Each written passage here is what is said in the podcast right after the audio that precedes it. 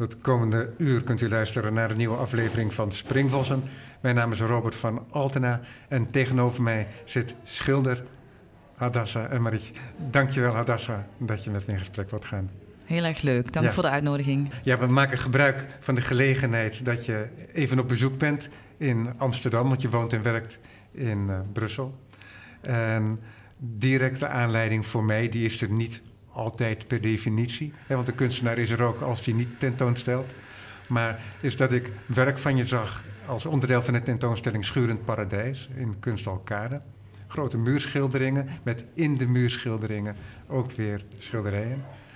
Het Schurend Paradijs is daar in Amersfoort tot en met 3 juli te zien. Maar er is ook een andere mooie presentatie in het Bonnefante Museum. Of in het Bonnefanten, zoals ze graag genoemd willen worden.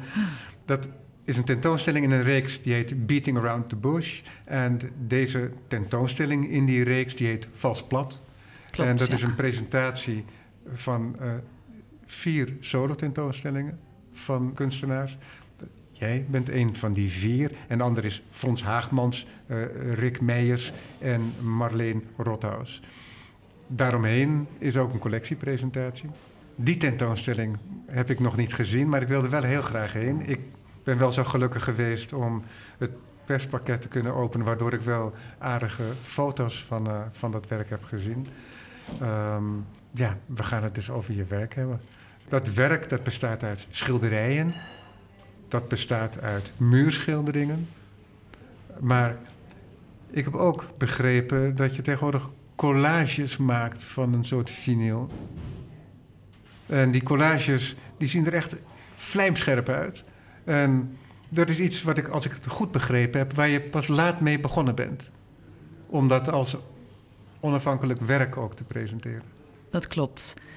Ja, om daar meer over te zeggen, zal ik eerst iets over de techniek vertellen. Hoe ik werk en hoe ik eigenlijk tot het materiaal kom. Dus waarmee ik die collages nu maak.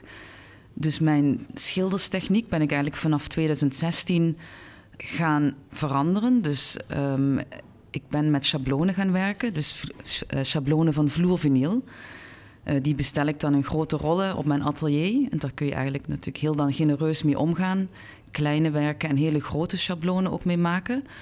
Ehm, dus dat materiaal ben ik echt gaan inzetten als, als schilderstechniek. Dus eigenlijk een hoogdruktechniek gaan toepassen als schilderstechniek.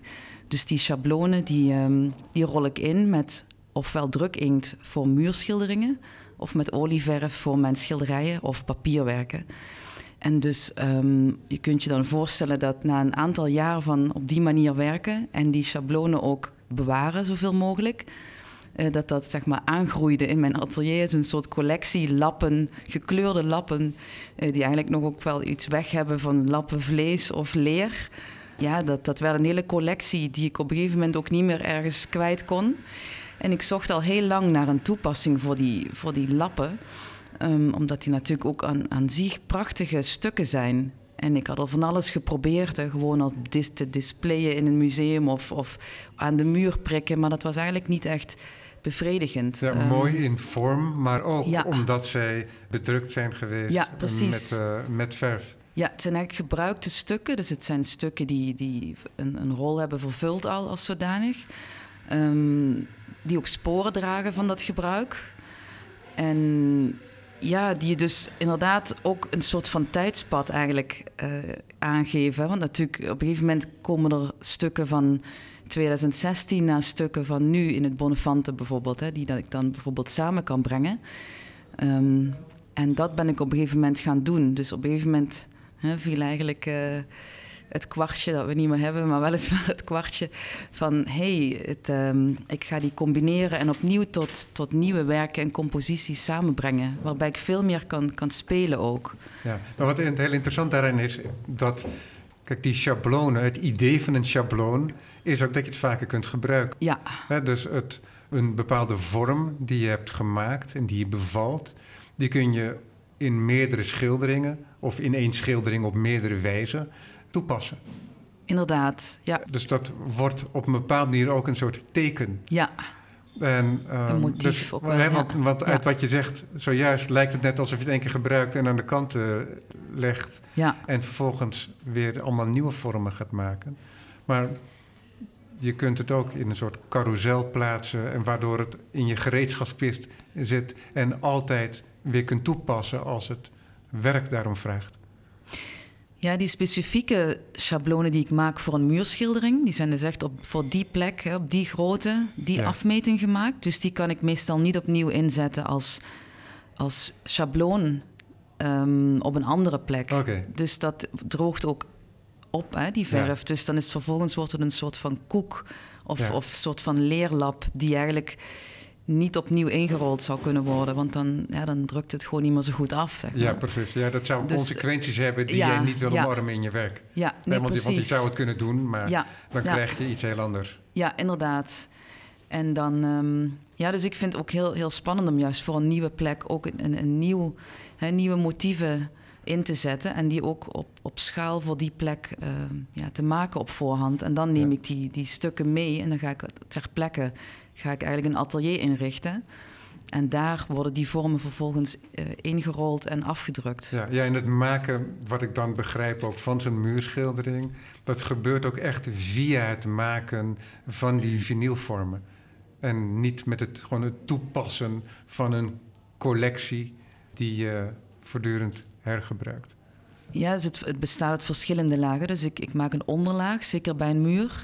Um, met een uh, spuitpistool breng ik uh, acryl aan, dus verneveld, waardoor je echt een, een, soort heel ruimtelijk, bijna ongrijpbare sfeer krijgt van kleuren die in elkaar overvloeien. En vervolgens druk ik daar die, die schabloon op af, die dus redelijk uh, ja, hard afgelijnd. hard afgeleide motieven tonen. En vervolgens kan ik in het, in het schilderen van die motieven wel weer spelen met met scherpte, onscherpte, um, gradients of juist hele monochrome stukken. Dus dat, wordt dan vervolgens wel echt heel erg schilderachtig. Wat er vervolgens gebeurt tijdens het inrollen van die stukken. Wanneer ben je begonnen met die muurschilderingen? Uh, op deze manier, dus eigenlijk inderdaad nadat ik die techniek geïntroduceerd heb binnen mijn werk. Ik heb altijd met, met grafische technieken ook gewerkt binnen mijn oude werk. Maar dan waren het meer bijvoorbeeld stukken linoleum. En dan echt dat ik bijvoorbeeld een, een linodruk gebruikte en daar weer overheen schilderde of tekende. maar nu heb ik eigenlijk dat, dat drukken als schilderstechniek helemaal als autonome vorm uh, gebruikt. Dus eigenlijk doe ik dat al vrij lang, maar niet zo autonoom als nu. Ja, wat maakte dat, dat jij gebruik maakte al, heel, al, al enige tijd van die druktechnieken? Wat interesseert jou daarin? Ja, ik heb tijdens mijn opleiding in Maastricht, dus dat was destijds, um, hoorde grafiek daar gewoon bij. dus je kreeg, eigenlijk, je kreeg alle technieken ja, geleerd, als het ware. En dan kon je daar vervolgens mee doen wat je wilde. Maar het, het trok mij altijd heel erg. Ook het, het, etsen of ook steendruk. Dus ik heb eigenlijk al die, die nu, zeg maar, oude technieken geleerd. En... Um, uh, uiteindelijk vond ik dat gewoon een hele fijne aanvulling naast het, het, het klassieke brush, brush painting, zeg maar. Wat natuurlijk eigenlijk dan de hoofdmoot vormde van die opleiding. Ja. Um, ja, ik heb ook altijd zo projecten gedaan met grafische ateliers. Het ging mij niet eens zozeer om het, op, op, om het drukken van een oplage, maar ik vond het gewoon heel fijn om iets soort van indirectheid te hebben. Dus bijna bij een foto dat je dus ook verrast kunt worden hè, door zo'n afdruk of door het resultaat. Hè, er zit een soort van vertraging in. Hè? Dus je, je... Een vertraging en ook een omkering. Ja, precies. Ja. Ja, en eigenlijk dat, dat, die stap vind ik heel spannend. Hè? Dus dat je een soort van... Eh, sowieso eigenlijk de, de, de kruising tussen een schilderij en een uh, grafische techniek is eigenlijk de, de monotype. Hè? Dus dat je inderdaad direct schildert op een plaat die vervolgens gedrukt wordt. Hè? Dat is eigenlijk echt de, de meest soort van pure kruising. Dat is een heel gek woord, dat kan eigenlijk niet. Maar, ja. Uh, dus dat ja, maar dat is heel spannend is dat natuurlijk. Want dat, en dat is ook, er zit ook enige bravoure gaat daarmee gepaard. Het is ook niet voor niks dat iemand als Robert Zandvliet dat ook uh, enige tijd uh, deed. Ja, er zitten mooie monotypes in de collectie van de Pont bijvoorbeeld. Ja. Ja, ik vind dat een heel spannende tussenvorm. Hè. Sowieso dat, dat idee van fusion zit inhoudelijk ook in het werk, maar dus ook in die toepassing van de techniek van de schilderkunst naar dat tussen schilderkunst, fotografische afbeelding en grafische techniek.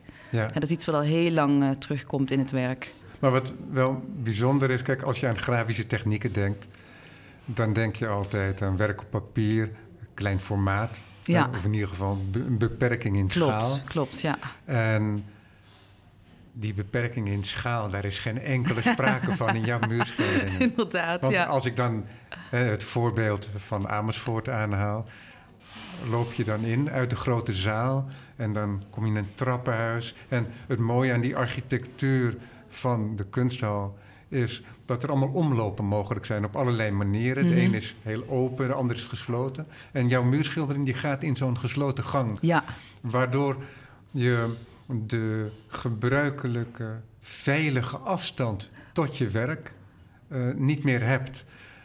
En dan geef ik een indruk weer die je werk op mij heeft. Dan, als ik dat dan zie, dan zie ik een, een feest aan tropische kleuren. Ehm, daar, komt, daar komt geen sombere wolk komt erin in voor. En, maar tegelijkertijd, en met hele sensuele vormen, soms ook herkenbaar.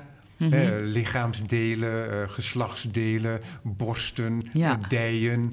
En ook een soort overdreven vleeskleur. Maar die vleeskleur die kan ook overgaan in tropische bloemen.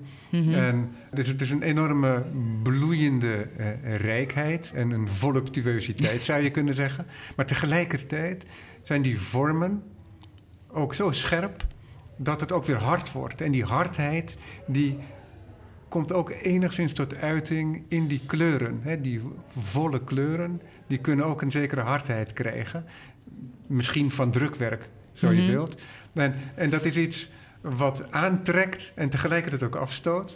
En als ik dan met afstand naar kan kijken, dan ga ik denken en beschouwen. Maar als ik in die omgang loop, ja, dan word ik erdoor omgeven. En dan begeef ik me als het ware in dat sensuele lichaam van je schildering. ja, En dat was toch echt heel bijzonder, moet ik eerlijk zeggen. super. Dus dat is, Goed om te ehm, horen. Ja, maar- heel, ja, maar, ja. maar dus dat zijn echt Mhm. ehm, een soort contrasten die heel erg op mijn gemoed spelen, ook als ik je schilderingen zie. Maar goed, zomaar een indruk natuurlijk. Maar, en dat is toch heel mooi dat je die grafische technieken zo opblaast dan, dat dat ehm, ja, levensgroot of ehm, ja, in de architectuur gaat zitten, als het ware. Ja, wat, wat die techniek ook toestaat, is inderdaad niet alleen die herhaling. Dus in dit geval, inderdaad, kun je het, hetzelfde schabloon hergebruiken in verschillende kleurstellingen. Maar ook. ah, sorry, ik ben even de draad kwijt. Ja, Ja. nou, kijk, want wat ik net zei is dat je met die grafische technieken, daar ben je gewend om op te kijken. Hè, om, om het zelf te omgeven met je blik. En dat is een vrij een rationele verhouding. En wat ik via mijn eh, wat lange beschrijving van mijn ervaring van je werk, van, dat, van, dat, um, van die muurschildering, wilde overbrengen, is dat die veilige distantie, die wordt opgeheven omdat je door het werk wordt omgeven, als het ware. En wat heel interessant daarin is, is dat dat, eh, ik noem het woord veilig, omdat het ook enigszins eh, een soort gevaar is. Want normaal gesproken als je lichaam of lichaamsdelen en, eh, en een vagina, een borst, een dij, Mhm. als je dat presenteert, dan is dat of een soort tederheid of in ieder geval een soort kwetsbaarheid. Maar in jouw werk is het geen kwetsbaarheid, maar is het een heel erg zelfbewuste presentatie ook tegelijkertijd. En, en daar word ik dan, misschien ook in mijn man zijn, eh, word, ik, word ik daar heel erg mee geconfronteerd. En, en daar begeef ik me dan ook in, als het ware, in die schildering. En, ehm, en dat is echt fascinerend, vind ik. Dat is heel mooi. En, en dat bereik je onder andere door die schaalvergroting en met die grafische technieken. Ja, je stapt inderdaad zeker bij Kade in een soort landschap. Hè? Dus Ja. inderdaad, die, die lange gang, die, die motieven, ik noem het dan maar motieven. Mhm. Het zijn een soort van ornamenten die dus kruisbestuiving zijn, inderdaad, tussen eh, plantvormen, vrouwelijke lichaamsdelen. Hè? Dus, eh, en tegelijkertijd een soort scarabee noem ik die vorm die ik daar heb gebruikt. Ja. Dat wordt een soort van keverachtige eh, vorm met een schild en een soort van zachte binnenkant. En, hè, dus je, je wordt direct gecatapulteerd, hè, hoop ik als kijker, eigenlijk in heel veel verschillende eh, ja, referenties. Hè? Dus dat dat, dat dat lichamelijke natuurlijk direct aanwezig is, maar tegelijkertijd dat je ook kunt reizen in dat werk. dat je tegelijkertijd de vrijheid hebt om al die vrije associaties te maken. En tegelijkertijd ook niet alleen naar die hele gesatureerde kleuren kijkt, maar ook op een gegeven moment ontdekt dat er, dat er vergrijzingen in zitten of um, duistere tinten. Hè? Dus dat het eigenlijk ook uitgespeeld wordt tegen elkaar. Hè? Dus ik vind zelf altijd heel, heel spannend dat die kijker inderdaad eerst die, dat soort van kleurbad ervaart en vervolgens pas misschien op het tweede gezicht doorheeft hè, waar, waar hij of zij naar kijkt. En als dat dan inderdaad een soort van grote, uitvergrote, monsterachtige genitaliën blijken te zijn, hè, waarin je bijna kunt, kunt binnenstappen, dan vind ik dat echt geweldig natuurlijk. Hè, door die, dat, dat, ja, er zit natuurlijk een pop-art aspect aan. Hè, maar ook een soort van uh, uh, ja, die immersieve ervaring vind ik heel belangrijk. Hè, zoals bijvoorbeeld uh, Pipilotterista videowerken, bijvoorbeeld, waar je ook in die hele sensuele werelden meegezogen wordt. Hè. En dat is eigenlijk een soort van vergelijkbare ervaring. Ja, waar ja ik dat is wel interessant wat je ook zegt, omdat die kleuren ook doet denken aan vroeg video. En de kwaliteit van vroege ja, video. Dat die kleuren zo um, ja, onder druk zijn gezet, dat ze extremer worden als het ware. En wat ook zo is, is die associatie die ik kreeg, is dat je als het ware huid presenteert, maar dat je daaraan ook ziet dat het, het verwante horen, het, het harde, wat ook vaak als schild of als wapen wordt gebruikt door de natuur, um, dat dat ook gepresenteerd wordt. Dus die tweeslachtigheid, die is heel duidelijk. En die zit ook überhaupt helemaal in de beeldtaal, die, laten we zeggen, losjes gebaseerd is uiteindelijk ook op cubistische principes van uh, vorm en ruimte, ja, ja, die, uh, die um, was zonder onderscheid in elkaar overlopen Mhm. en elkaar verdringen als voor- en achtergrond ook. Absoluut. Um, ja. Waardoor het uiteindelijk als geheel, als je er dichtbij staat, wat ik al eerder zei, een, ja, tot, uh, tot, een, tot één lichaam wordt, één schilderslichaam wordt. Ja, dat is heel mooi gezegd. Ja, Ja. Dat, het een, een één nieuw soort van ja, één nieuw soort ontstaat, een nieuwe species eigenlijk, Ja. die steeds weer opnieuw kan variëren door nieuwe kleuren op te slokken of zich te spiegelen. Hè, of of hè, zoals je ook in de, wat mij ook fascineert aan het, ehm, hè, dat is het an- Braziliaanse cannibalisme, zeg maar, dat idee van het antropofagia. Dat, dat men- ja, dat dus inderdaad het, het kolonialisme ook op die manier beschouwd kan worden. Dat, het, dat je het niet ontkent en niet uit de weg gaat, maar haast cannibaliseert, op, opvreet en, en tot nieuw, tot, tot je eigen soort deel daarvan laat uitmaken. Of zo. Dat vind Ja, ik wel een heel spannend, ja. natuurlijk heel problematisch gebied, maar Ja. Nee, maar wat, wat ehm, als we dan inderdaad naar dat terrein gaan, is dat wat ongetwijfeld zo is, is dat als je gedeporteerd bent uit Afrika en in Zuid-Amerika terecht bent gekomen, dat je eh, los komt te staan van je eigen oorsprong en Ja. dus ook je eigen cultuur, daar nog wel dingen van meeneemt, maar alleen maar voort kunt leven door ook culturele eh, eigenschappen van je, je onderdrukker Mhm. eh, over te nemen en weer eigen te maken en door te ontwikkelen. Want dat is waar ja, je ook ja, een beetje op precies. doelt, denk ik. Ja, inderdaad. En dat zit natuurlijk, in die zin zit dat natuurlijk ook in dat werk. Al heel lang natuurlijk dat onderzoek naar wat betekent het om ook deels van ergens anders te komen. En dat, dat is eigenlijk zo verwaterd dat je het bijna niet meer ziet zelf, doorhebt. Maar tegelijkertijd, als je dieper gaat graven, zit er natuurlijk wel heel veel onder die oppervlakte. Dat, dat is mij sowieso als jongere kunstenaar hè, ben ik daar eigenlijk ook in gaan graven. Dus eh, mijn vader is eh, uit Indonesië gekomen, dus natuurlijk als jongere kunstenaar ben ik daar wel naar op zoek gegaan. Maar uiteindelijk pas toen ik mijn masters in Londen ging doen, ben ik me gaan realiseren dat dat gewoon deel is van een heel discours dat al heel lang bestond voordat ik me daarvan bewust was.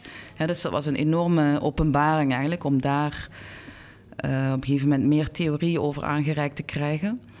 Eh, vervolgens heb ik me ook gerealiseerd dat natuurlijk naar de schilderkunst toe ook niet altijd makkelijk is om die vertaalslag mee te nemen, hè, inhoudelijk. Want het blijft natuurlijk schilderkunst.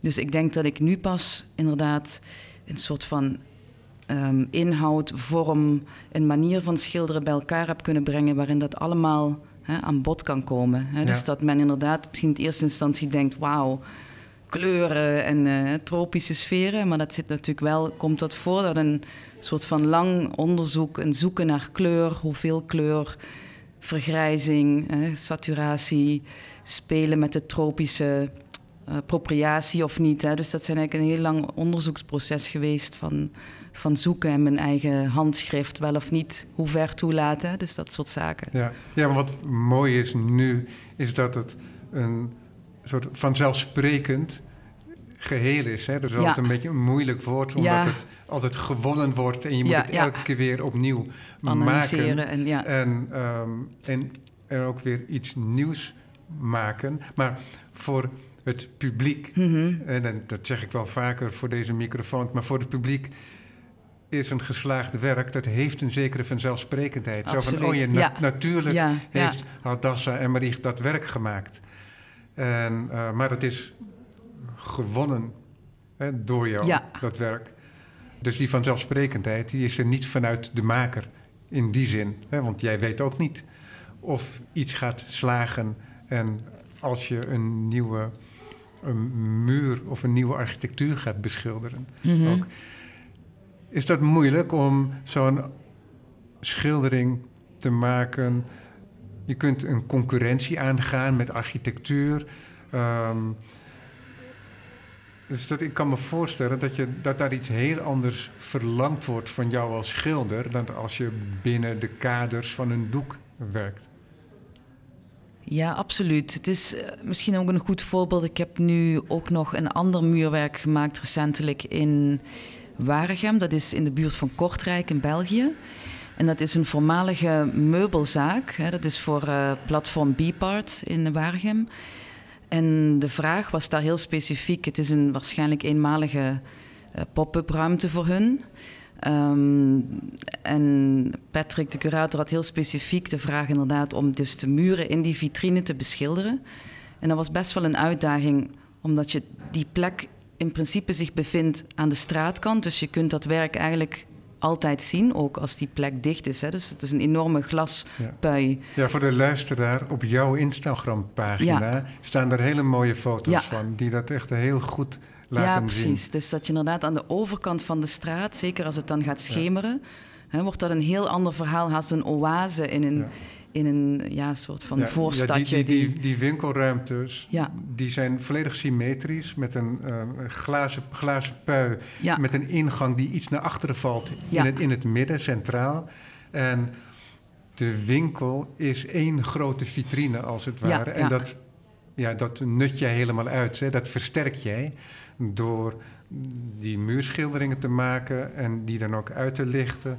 waardoor het net lijkt alsof die architectuur gemaakt is om jouw schilderkunst zo te presenteren. Ja, ik heb voor die, die ruimte wel een, een kleine aanpassing gevraagd toen ik kwam kijken. Dat ik dacht, ik wil echt dat het een, een U-vorm wordt. Dus dat je net ook echt die, die symmetrie nog eens benadrukt. Want dat was aanvankelijk niet zo. Dus ik had wel vrij snel toen ik ging kijken door van oké, dit, dit denk ik dat gaat werken. En dat bleek uiteindelijk ook wel echt wel goed te werken. Dat een stukje voor mij niet noodzakelijke ruimte daardoor buiten het geheel ging vallen. Dus dat soort dingen ben ik wel op voorhand natuurlijk mee bezig als ik zo'n uitnodiging nee, krijg. Nee, maar daaruit spreekt inderdaad ook de, een soort gevoel voor, voor, voor ruimte. Ja, ja, nee, dat is iets wat door de jaren heen inderdaad nu redelijk scherp staat afgesteld, denk ik. Ja, ja. maar prachtig werk ook. ook. Ook al ken ik het alleen maar van foto opnieuw. Maar dat eh, ziet er echt indrukwekkend uit, inderdaad.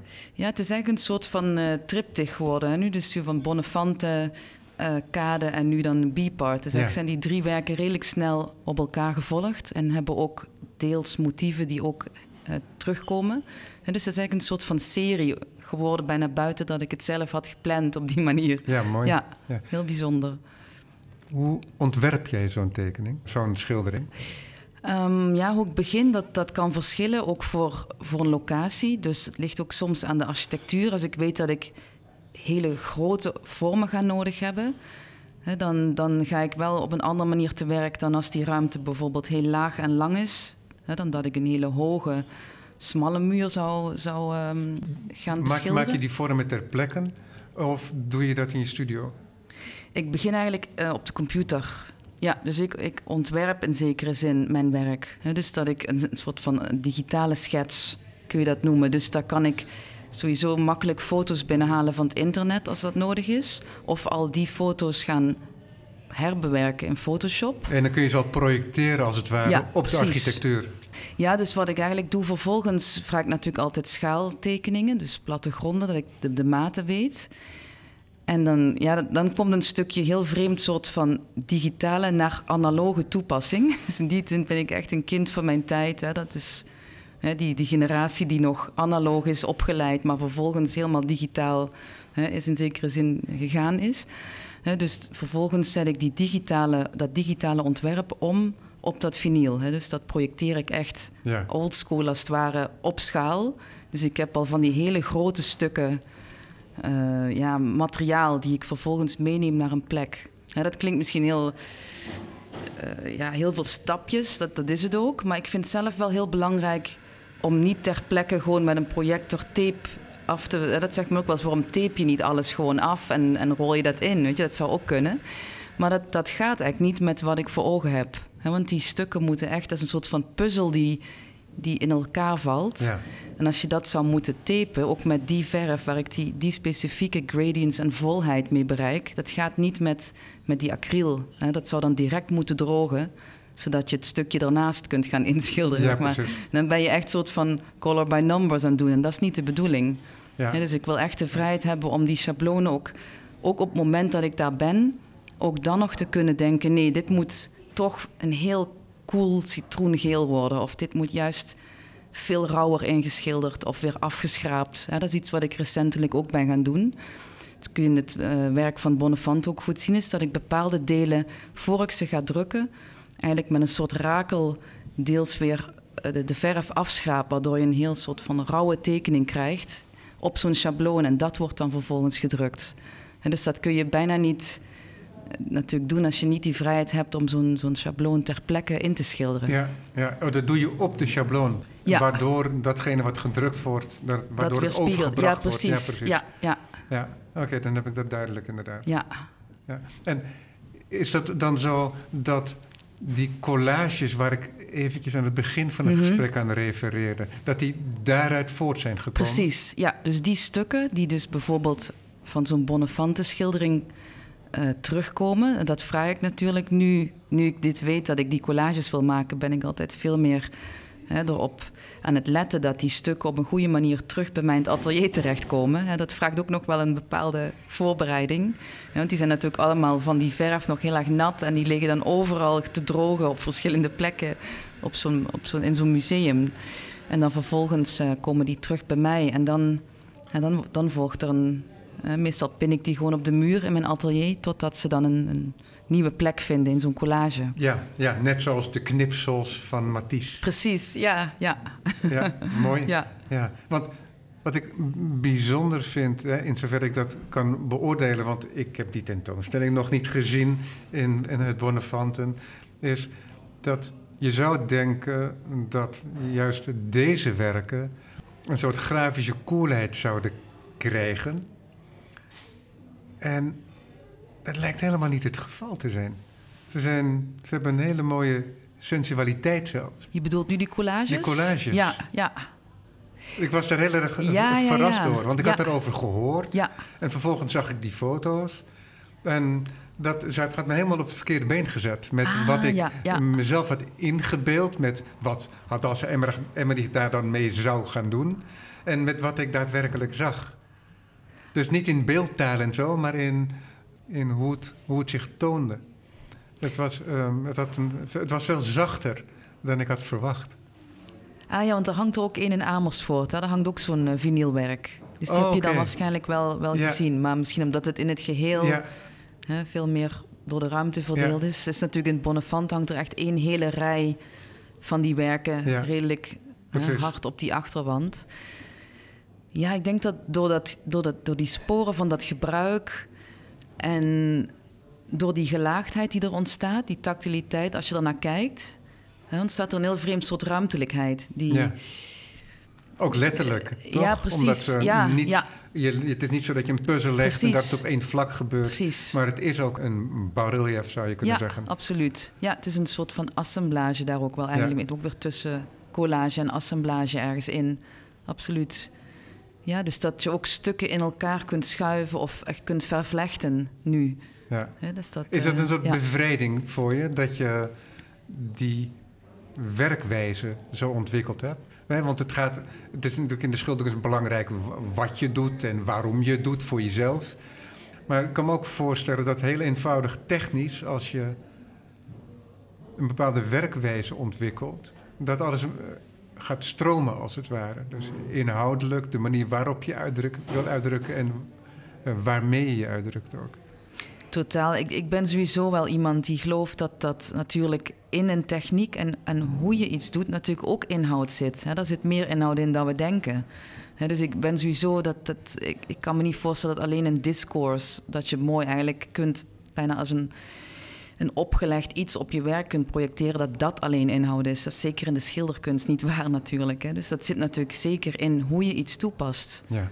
in hoe je, ah, ja, er zit van alles in verborgen, van temperament, van hoe je naar iets kijkt. Of, en ik, ik vind dat ook super spannend natuurlijk. Hè. Zeker in die collages zie je natuurlijk een, een vreemd soort verdubbeling. Dus je ziet al een stuk materiaal dat is gebruikt als drager, als het ware, maar vervolgens opnieuw deel wordt van een compositie. Hè. Dus er zit een vreemd soort verdubbeling als het Ja, ware in. ja, het is alsof je instrumenten toont die tegelijkertijd ook weer deel worden van een nieuw ja, werk. inderdaad. Ja, Ja, met, er zit altijd natuurlijk de geest van een Ja. muurschildering Ja. ook in. ja.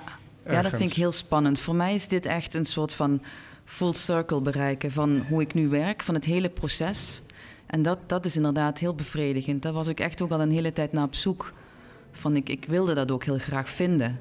Zonder dat gewoon aan de muur te pinnen ergens. Hè? Van Ja. kijk, dit is, dit is dat stuk. Want dan gaat het opeens heel erg over, over proces en over hoe je iets maakt. En over de economie van, van labor of zo, of van werken en uren. En dat wil ik niet. Weet je, ik wil wel dat het de aandacht blijft bij het beeld, bij de schilderkunst.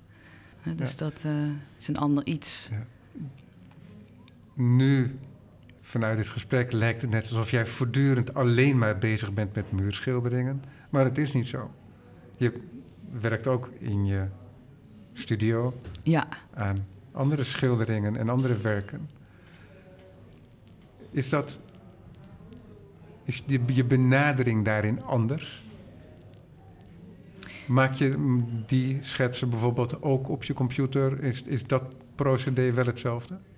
Ja, in zekere zin wel. Dus dat, dat zit steeds dichter bij elkaar. Dus dat was inderdaad in mijn oude werk lag dat vrij ver uit elkaar. Hoe ik een werk maakte en hoe ik een muurschildering maakte. Maar eigenlijk nu, sinds, deze, sinds ik deze techniek gebruik, zit dat redelijk dicht bij elkaar. Ook hoe ik tot een compositie kom. Dus dat is redelijk vergelijkbaar.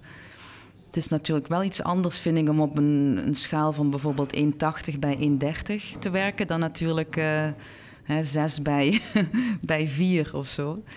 Ehm, dus ik ben natuurlijk wel heel bewust van de kadrering van, een, van de rechthoek in die zin, in die composities van de schilderijen. Ja, Ja, absoluut. ja. Misschien be- nog bewuster Ja. van geworden Ja. nu je steeds meer muurschilderingen maakt ook. Ja, in mijn, sowieso in mijn oudere werk was het meer een soort van, soort van implosies die vervolgens eindeloos door konden gaan. Hè? Dat Ja. is natuurlijk helemaal veranderd door nu op voorhand echt heel, zeg maar, eerder zakelijk te kiezen voor welk motief tot waar in beeld komt. Want vervolgens, als ik dan die schablonen uitgesneden heb, dan is het dat. Weet je, dan kan ik niet dan nog, dan kan ik alleen nog variëren binnen eh, hoe ik dat schabloon ga inrollen en afdrukken. Dus in die zin is die zelf opgelegde restrictie voor mij heel waardevol. Ja. Om juist te zeggen van nou, dit is het motief, dit is de compositie. En vervolgens kan ik wel, wordt die kleurrijk veel meer naar voren gestuurd als, als variabele. ja, maar het verlangt ook iets anders. Namelijk dat jij heel goed weet wat je doet. En eh, ik had het net al over de vanzelfsprekendheid voor de toeschouwer. Maar vanuit de maker is er altijd twijfel mogelijk, altijd aarzeling mogelijk.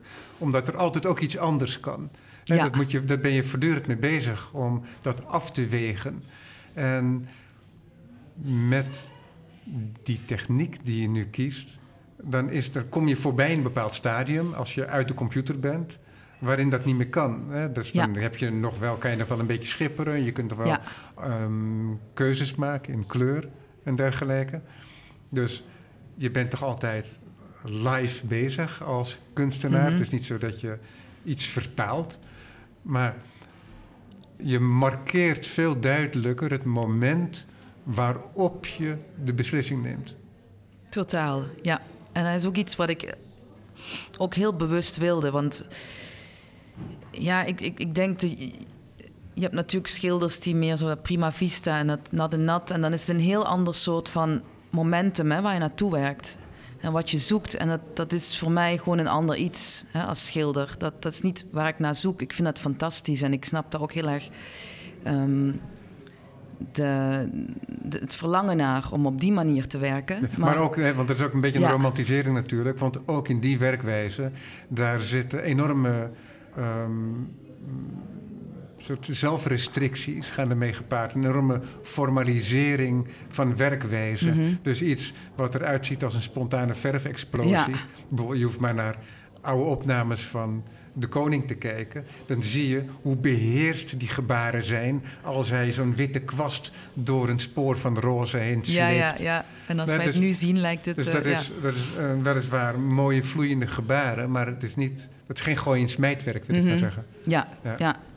Dus ook daarin zit een, tuurlijk, laten we tuurlijk. zeggen, een, soort formalisering. Ja. Um, maar toch is het zo dat het een, een bepaalde coole beslissings, cool beslissingsmoment um, ingebouwd zit ja. in die werkwijze die jij nu kiest. Ja, en die heeft deels ook wel te maken met, met de noodzaak om ook die, die muren op zo'n manier te kunnen uitvoeren dat het haalbaar is. Ja. He, dus dat is een soort van um, ja, planning. Ja, je kunt niet zes zes maanden aan zo'n muur gaan werken. Nou, dat is heel bewust, daar kan ik wel iets over zeggen. Omdat ik dus natuurlijk vroeger ook muurschilderingen heb gemaakt. Ook hele grote, tot wel 300 vierkante meter soms.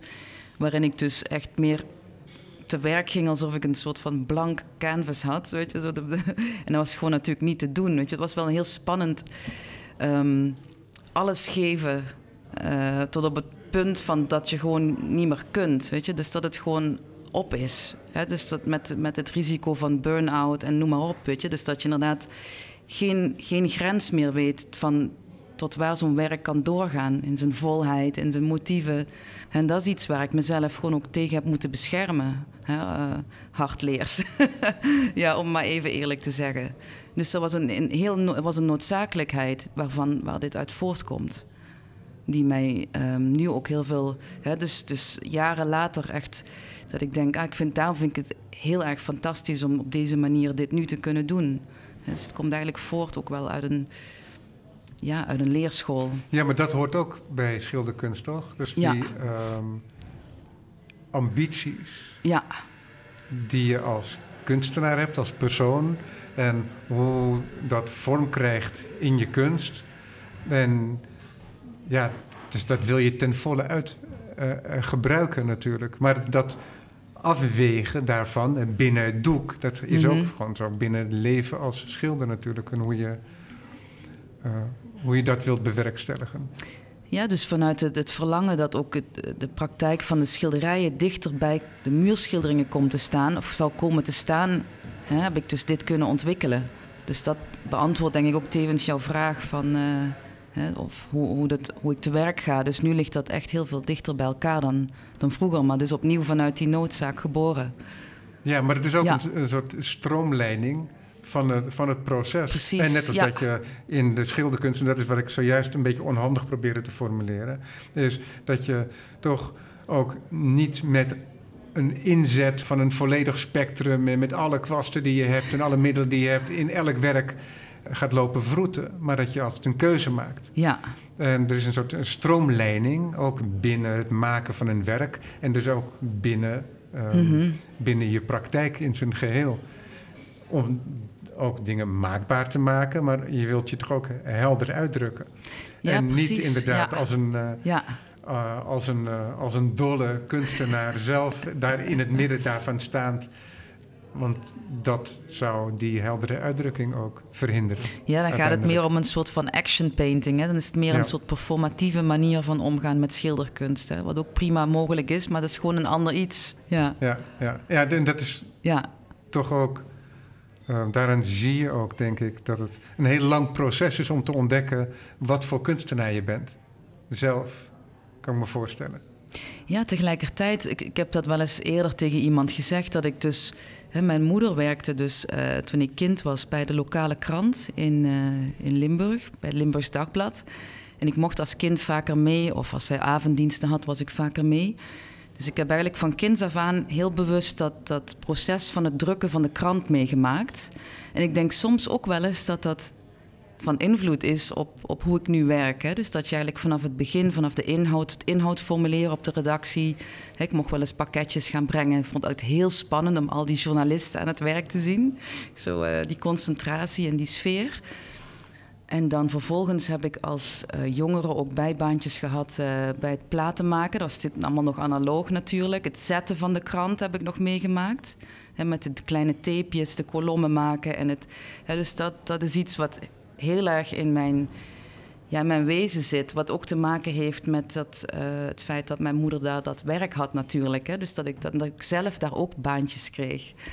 En dat hele proces van dus platen maken die dan naar de drukkerij gingen. En dan natuurlijk dat zien drukken van de krant is natuurlijk iets fascinerends.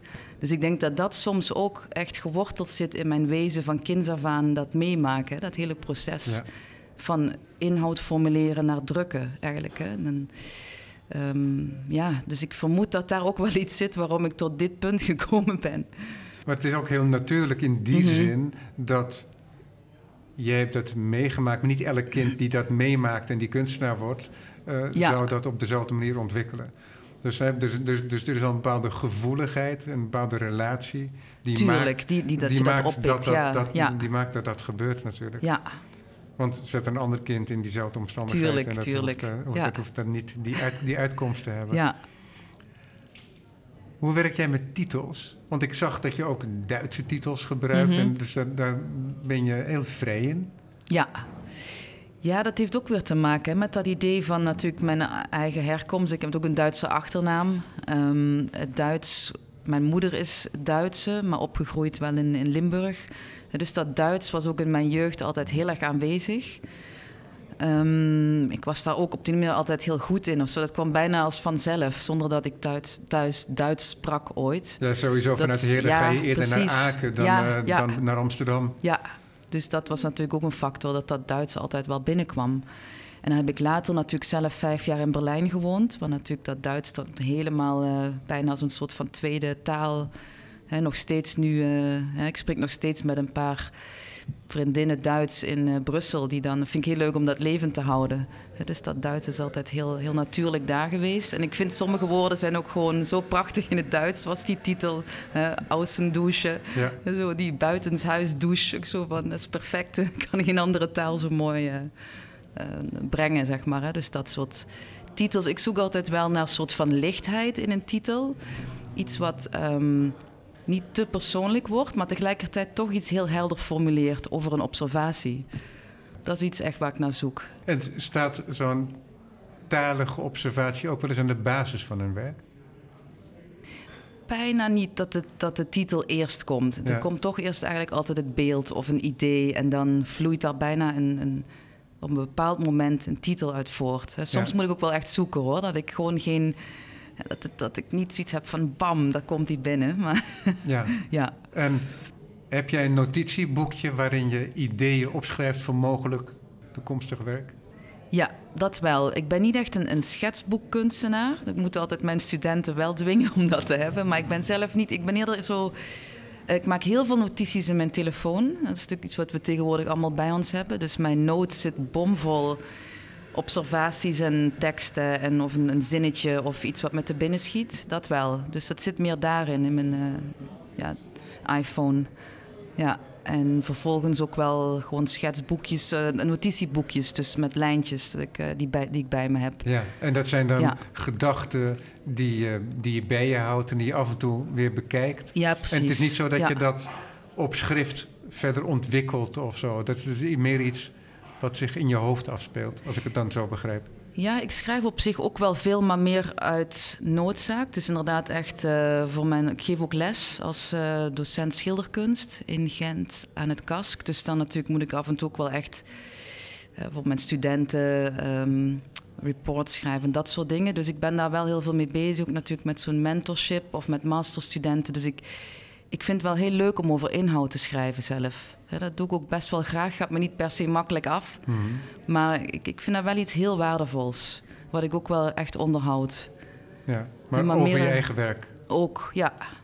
ja. Ik ben bijvoorbeeld ook wel eens gevraagd door uh, Hart Magazine. We hebben zo'n... Um, komt elke keer terug. Een, uh, een, het heet dan uh, De Brief bijvoorbeeld. Dat is niet echt een column, maar iets wat elke keer terugkomt. Um, daar ben ik een keer voor gevraagd. En toen heb ik een brief gestuurd aan een kunstenares. Die is niet nooit verstuurd, maar die wordt dan gepubliceerd in het magazine. Aan een kunstenares met wie ik in een groepstentoonstelling zat. Met wie ik een hele leuke ontmoeting had. En wiens werk ik ook al heel goed vond voordat wij samen in die tentoonstelling zaten. En dat was eigenlijk wel een heel. Ja, dat, dan, dan denk ik dat vind ik een hele mooie manier van omgaan met schrijven.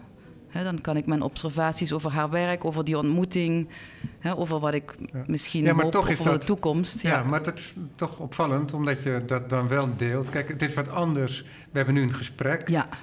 Kijk, ik hoop altijd dat de gesprekken die ik met kunstenaars heb... zoveel mogelijk lijken op de gesprekken die ik met ze heb... als er geen microfoon ja, bij is. Ja. Maar dat is natuurlijk niet helemaal zo. Want ik denk altijd aan publiek ook. Tuurlijk, en, tuurlijk, ja. Um, en het moment dat je als kunstenaar zelf, en want dat is wat anders, want kijk, ik doe die presentatie en ik doe die interviews, dus mijn positie mm -hmm. is een andere.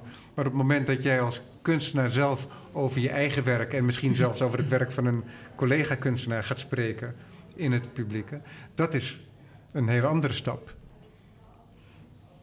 Dat is een interessante vraag, want ik denk soms wel eens. Um over publieksgericht zijn als kunstenaar. Dat is natuurlijk wel iets wat binnen de opleidingen van vandaag wel gestimuleerd wordt. He, omdat toch wel, zeker in Londen was men daar heel erg mee bezig. Van hoe is your audience? Of wat wil je dat je publiek ook ervaart bij zo'n werk? Of kun je dat sturen of niet? En dat zijn hele verschillende opvattingen hier. Of inderdaad in dat Engelse model van, van kunsteducatie. En dat vond ik heel confronterend. Want ik was daar voor het eerst echt dus erop gewezen dat dat zij vinden dus in die zin dat dat stuurbaar is. Dat je daar als kunstenaar op moet ingrijpen en dat bijna moet manipuleren, zeg maar. Dat was ja, dat eigenlijk... is veel meer op basis van een soort pragmatische communicatietheorieën. Ja, heel bizar dat dat daar dus zo sterk is. Dat men Ja. dat heel belangrijk vindt dat je daar als kunstenaar... eh, Maar het zit ook heel diep in die kunst en ook in de literatuur. Het is Mhm. allemaal veel eh, directer.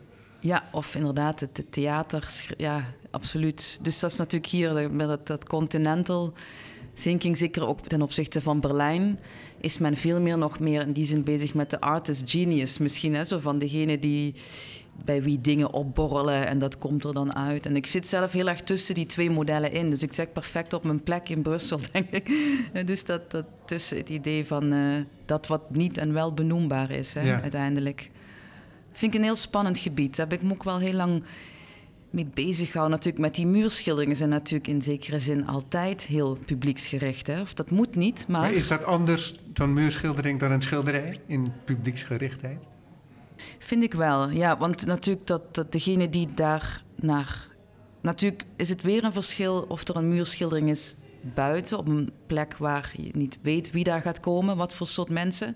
Of in een museum waar je natuurlijk al weet dat er een publiek komt... dat ja, of zo'n zo'n, is eh, om, eh, ja. zo'n dubbele etalage in Waregem, ja, wat je net precies. zei. En dat zijn natuurlijk, brengt allemaal hele andere soort van eh, facetten met zich mee. Hè? Dat natuurlijk als de buurvrouw daar in Waregem met haar zoontjes langsloopt...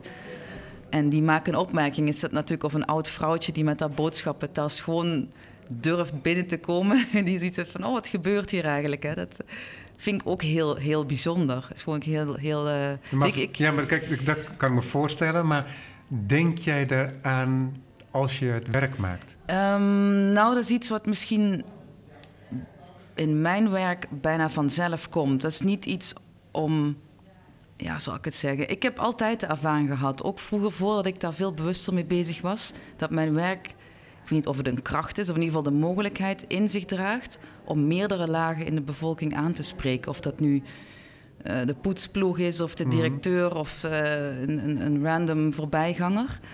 Ik heb, op die manier komt er iets los en mensen hebben dan de drang om daar even op te reageren. En ik Ja. vind dat zelf een kracht.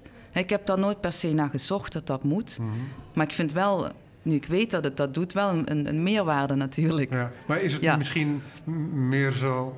Want kijk, waar ik naar vroeg is of het voor een schilderij... Mhm. Ja, ja dat was inderdaad. Of ja. dat anders is Ja. dan een muurschildering. Maar kijk, als ik dan zelf een antwoord mag suggereren... dan lijkt het mij dat een muurschildering over het algemeen gemakkelijker is voor een publiek. Omdat je je daarin kunt begeven, als het Mhm. ware. En je hebt niet die formele afbakening... Precies. Ja. Waardoor, Ja. eh, waardoor het zich afscheidt eh, van, de van de wereld Mhm. en tot een bijzonder vlak wordt. En dat heeft te maken met het feit dat door een publiek wat minder gewend is om hedendaagse kunst te zien, om die bijzonderheid eh, te duiden en te begrijpen. En op het moment dat je erin begeeft, ja, dan is het idee van kleurenpracht is al voldoende. Dus de, Mhm. de, laten we zeggen, de sensuele ervaring, de sensitieve ervaring, die neemt het over als het ware. Mhm. En die is, denk ik, ehm, gemakkelijker eh, te omarmen eh, voor een eh, breder publiek. Dat denk ik ook absoluut. Zeker. Ja, Ja.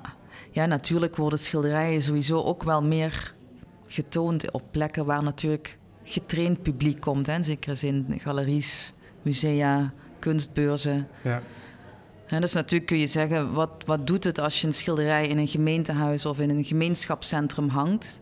Is dat überhaupt in die zin interessant? ja. Nee, maar wat je, dat interessant zijn wel is natuurlijk, inderdaad, ja. Wat interessant is natuurlijk, is kijk, dat ehm, jij noemde het al even. En daar hebben we nog helemaal geen aandacht aan besteed. Maar je- je- als je zo'n muurschildering maakt, dan doorbreek je als het ware die geformaliseerde ruimte waarin je allemaal onafhankelijk van Mhm. elkaar, maar ongetwijfeld altijd in relatie tot elkaar, allerlei verschillende kunstwerken toont. Soms van één kunstenaar, in het geval van Bonafante. Soms met andere kunstenaars, Mhm. in het geval van Kunst Alkade. Maar jij maakt tegelijkertijd ook je eigen tentoonstelling. Omdat je die muurschilderingen maakt, maar in je muurschilderingen plaats je ook weer andere schilderingen of collages, dus andere werken. Dus in die zin zie je dat je. En dat is iets heel geks, vond ik in eerste instantie. Ik denk, waarom zou je werk ophangen Mhm. dat zich afbakent, Ja, hè, volgens die gesymboliseerde, die symbolische Ja. ruimte? Waarom zou je die plaatsen in die enorme ruimte die je net gecreëerd hebt? En, ehm, nee, want Ja. dat is echt een hele.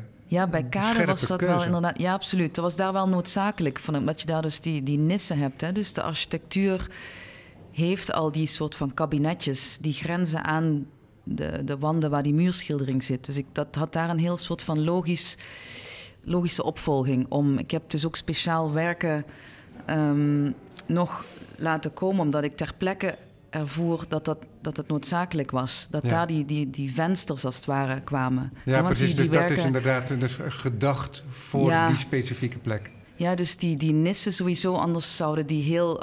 Nu, door daar schilderijen in te hangen, bieden die eigenlijk nieuwe subwerelden, laat ik het zo zeggen. Ja. Dus dat functioneert ergens een detaillering die je misschien ook niet kunt realiseren in zo'n muurschildering.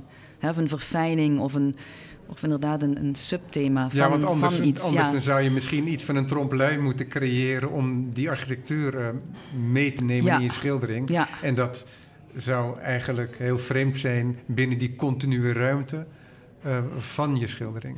ja, terwijl het, het is er. Hè, dus ik maak die werken. Dus dat, dat had ook heel erg zin om die daar in die context mee, mee, in mee te nemen. Het heeft niet altijd zin hoor. Dus bijvoorbeeld zoals je in het Bonnefante ziet... is het juist heel goed dat het heel hard gescheiden is. Ja, Dit is de muurschildering en daar is de ruimte met, met individuele werken. mooi. Ja, Oh, daar zijn we richt. We zijn aan het einde van het gesprek beland. Dank je wel. je ook Dat je met bedankt. me in gesprek heel erg gaan. fijn. Schurend Paradijs, Kunst Alkade tot met 3 juli te zien. En Vals Plat in het Bonnefanten is tot en met 8 januari 2023 te zien, maar liefst. Super. Dankjewel. Dankjewel.